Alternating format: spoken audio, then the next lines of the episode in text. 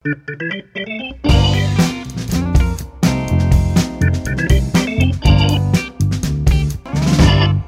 teman Alinea, kalian lagi dengerin podcast Alineal, Alinea for Millennial. Oke, sebelum kita mulai nih, kita mau jelasin dulu nih ke teman Alinea, apa sih Alineal tuh? Alineal atau Alinea for Millennial adalah segmen baru di podcast Alinea yang ngebahas isu terkini di kalangan anak muda. Di podcast ini, teman Alinea bakal ditemenin sama kami. Ada siapa aja nih? Ada Ado. Ada Oya. Dan ada gua Latu pastinya. Di episode perdana ini, kita bakal bahas tentang menabung dan investasi. Ngomong-ngomong tentang menabung dan investasi, kalian ada goals apa aja nih di masa depan?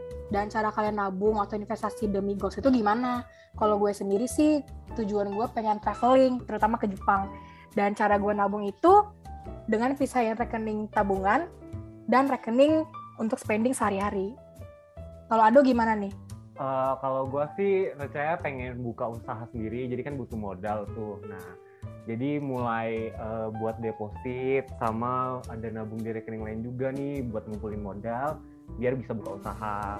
Terus kalau Latu gimana Latu? Hmm, kalau gua ya, tadi kan oh ya dia pengen traveling ke Jepang. Kalau Ado dia pengen buka usaha. Gua kayaknya pengen buka usaha di Jepang itu kayak. Aduh, mantep, Aduh. mantep. Eh tapi serius gue juga pengen ke Jepang sih. Cuma gue belum tahu eh, cara nabung yang tepat buat gua tuh gimana sih. Nah, Latu untuk jawab pertanyaan lu nih. Nah, kemarin kita Alinea juga udah sempet nanyain buat teman-teman Alinea gimana sih cara mereka nabung melalui question box di Instagram kita. Nah, kita bakalan bacain dulu nih beberapa kali ya, kita baca ya. Oke. Jadi yang pertama itu beli obligasi retail min. Nah, biarkan uang yang bekerja kita lenye-lenye. Asik. Oke. Obligasi negara retail atau ORI sendiri itu sebenarnya merupakan eh, salah satu instrumen dari SBN atau surat eh, berharga negara yang ditawarkan kepada individu atau perseorangan warga negara Indonesia melalui mitra distribusi pasar. Nah, lalu ada teman Alinea juga nih yang bilang kalau nabung properti dong bisa melindungi diri sendiri dan keluarga dari segala kondisi dan cuaca. Nah, sebenarnya eh, untuk nabung properti sendiri itu emang sifatnya tuh tidak liquid, eh, tapi karena nilainya tuh eh, selalu naik di masa depan, maka kekayaan bersih akan bertambah dengan memiliki suatu properti. Bener juga ya, karena kan tiap tahun harga tanah dan bangunan juga naik. Mm-mm. Nah selanjutnya nih, gue juga mau bacain ya. Selanjutnya ada teman Alina yang bilang, tim di bank min, apa nih tim di bank min? Oh tim nabung di bank min, tapi bisa rekening dengan yang lain karena lebih mudah dicairkan kapan pun. Ya, ini bener Iya. juga sih, karena buat sebagian besar orang menabung adalah cara agar kita bisa mengelola uang dengan lebih terencana. Kalau taruh di bank, khususnya dengan memilih produk tabungan yang berjangka, perencanaan keuangan bisa lebih terarah dan konsisten. Iya Kayak- bener banget Eh, di bank zaman sekarang kan udah udah banyak yang menyediakan layanan lewat aplikasi. Di aplikasi tersebut juga banyak gitu loh pilihan nabung. Misalnya mau nabung yang jangka pendek, jangka panjang. Jadi sekarang mah udah dipermudah kalau mau nabung di bank mana pun. Ya bener banget sih, apalagi lagi era digital gini orang malas ke Iya. ATM, orang malas ke bank, orang malas ngapa-ngapain kan. Udah enak banget tinggal rebahan, nabung gitu. Iya. Iya, bener banget. Terus apalagi banyak promosinya nih kini sekarang ya gara-gara pandemi jadi Iya. kayak banyak promo dari bank-bank.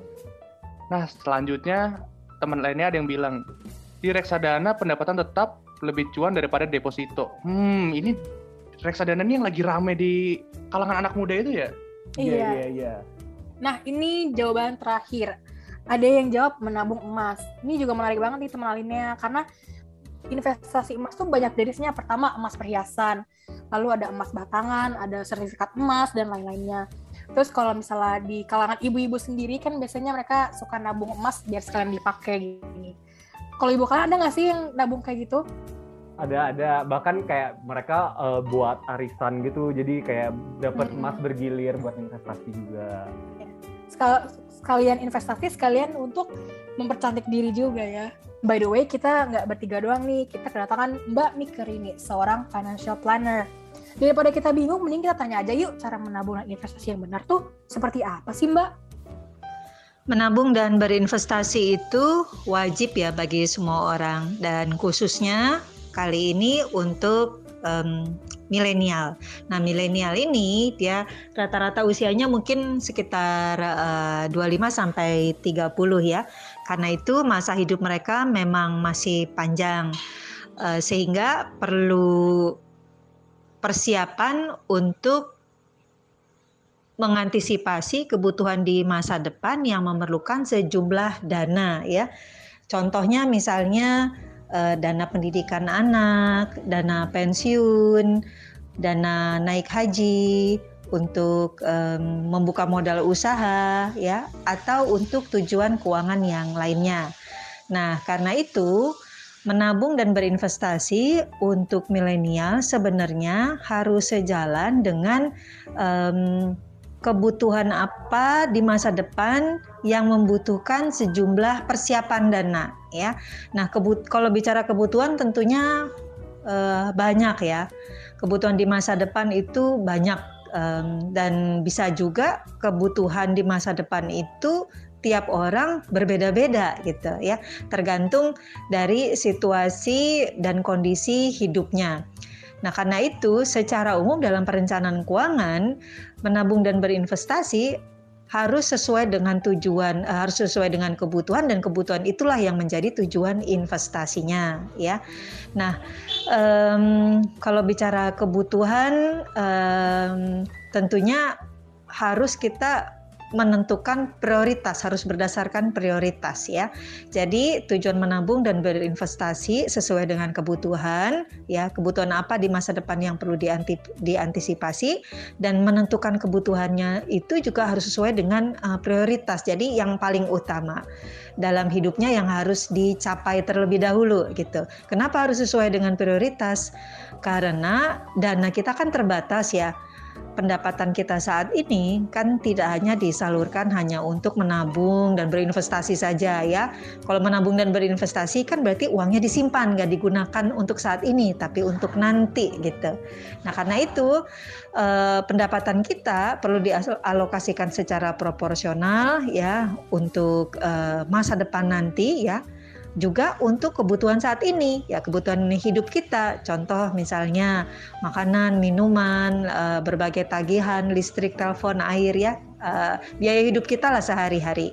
Nah berarti pendapatan kita perlu cukup untuk hari ini dan juga untuk mengantisipasi kebutuhan di masa depan nanti ya. Jadi harus proporsional sehingga jangan sampai kita menderita saat ini gitu ya, hidup terlalu pas-pasan sekali uh, demi untuk mencapai uh, apa yang kita inginkan di masa depan. Yang penting sebenarnya seimbang ya.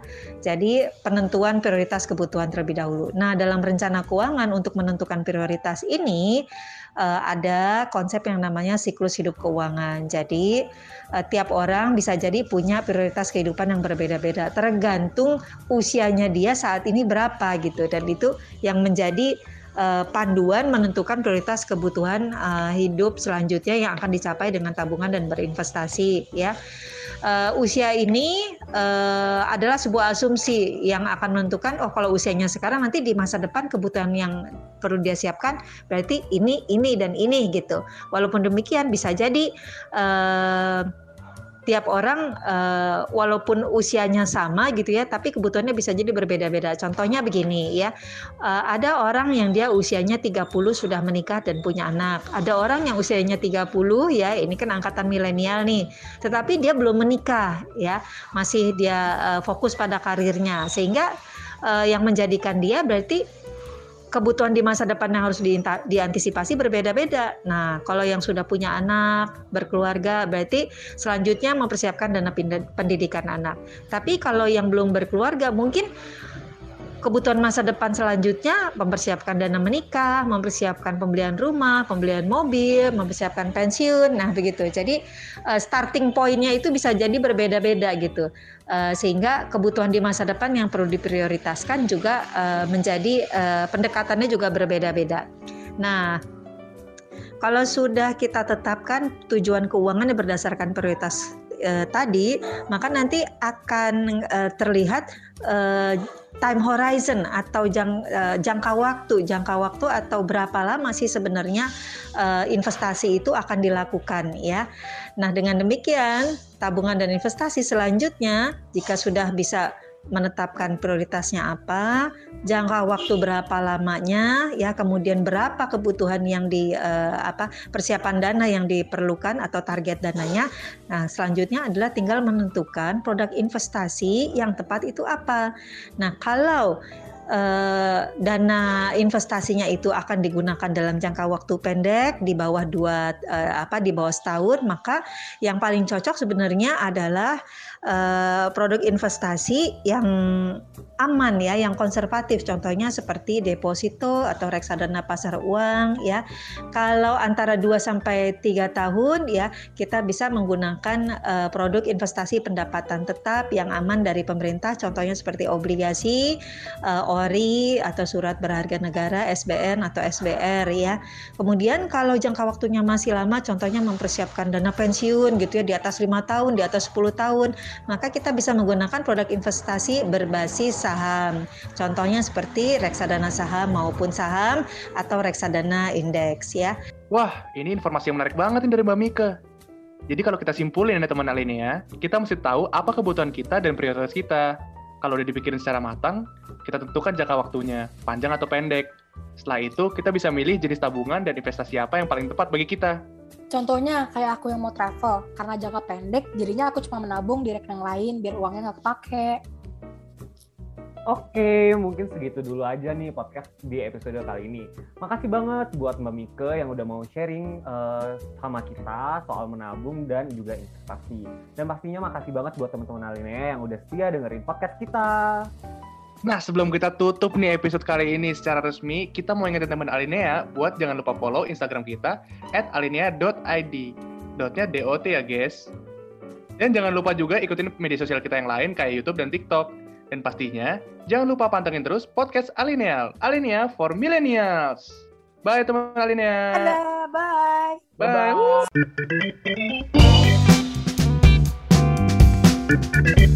-bye.